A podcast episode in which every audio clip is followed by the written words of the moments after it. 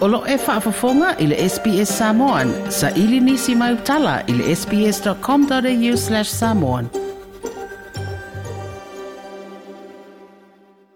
O se fuafuanga i lima tausanga tau le soifua malaloina e anga i saolawa ia i lātou o tangata i eitala anga surufai, refugees.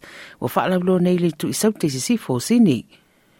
mo le urua i teimi o lenei fuafuaga ua aofi ai se la inga e patino i tagata o loo iai manaʻoga tumau ma le eseese o i tagata o le tamaitaʻi la o sumaya aman 26 tausaga na agaʻi e se mai ma afganistan i le tausaga e 23 ma lona tinā ma lona uso e amata seisi o olaga fou i ausitalia ina ua taunu mai sa ia taʻua o le feuiuiaʻiga i le auaunaga a le soifua malolo i nei ausitalia o se matuaʻi lui tautele. It was actually quite difficult, especially not knowing English. My mum did not know English. It was just me, my mum, and my sister. We did we didn't know any any like we just had cousins, but we didn't know how to go to talk to a doctor or just go to the shops to buy something. It was always calling my auntie, "Hey, can you come and take us to these places?" We didn't know how to drive. The New South Wales Refugee Health Nurse Program, whai ngā patino mō mai mia au unanga tauru soifua maloloina. Wa toe mana tua i e sumaya le teimi i e loai e fōringa o lona lumana i tonu le nei au unanga. Back in Afghanistan, I realized I, I would see women on the street begging and poor children just walking around begging for money. And at that moment of time, I said, I want to change this, you know, I want to change the community. I want to give something back to people. It feels amazing. It's like I'm giving back to the country that, you know, have provided support when I came to Australia and I'm giving it back to them as well. Whai mai aia na te langona, e iei se so tanga whaaltangata o ia, mai tu ai ngā ngase ngase nei, o na olona fo i teimi na whato atau nuu mai ai i I do have the lived experience, so especially the Afghans or any refugees that I do see, I, I know how they feel, and that, that gives me more empathy towards them.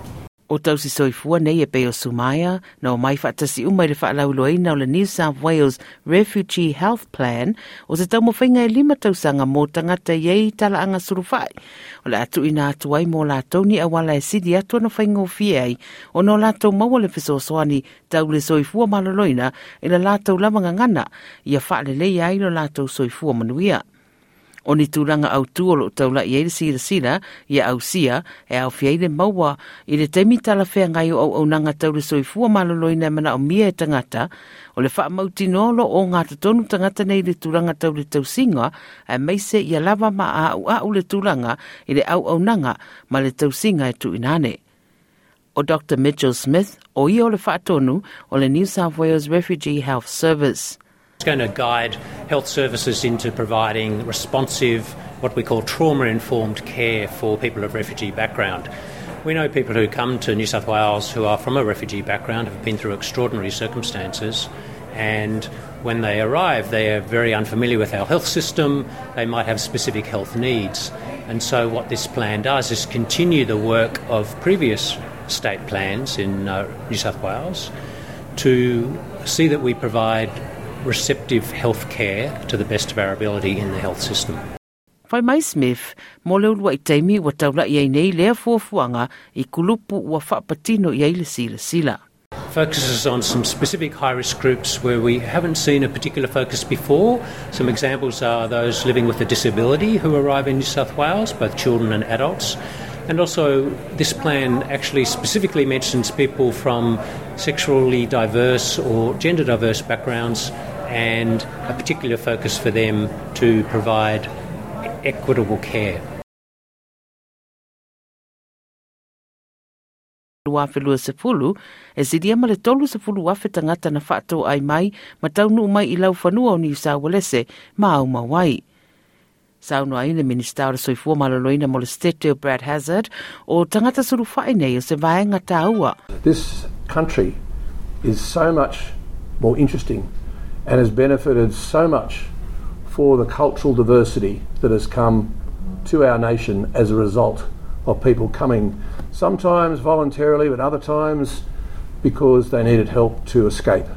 Uh, the refugees, uh, those who are seeking asylum. O le minista mo i tu ai ngā nganu ese ese multiculturalism ma Coure sa ia wha mamafa le tā ua o le nei fuafuanga. It is estimated that we will receive over 6,000 refugees here in New South Wales over the next each year over the next few years, and this plan will address, I think, their concerns, their health issues, to ensure that, of course, refugees are getting the best health advice and quality of service. O le ripoti wa tu whaatsia Francesca di Nugio, le SBS News, ia ma whaatliwina ai lau toe fia whaafafonga i nisi tala whaapea? Whaafafonga i le Apple Podcast, le Google Podcast, Spotify, ma po o whea lawa e mawailau podcast.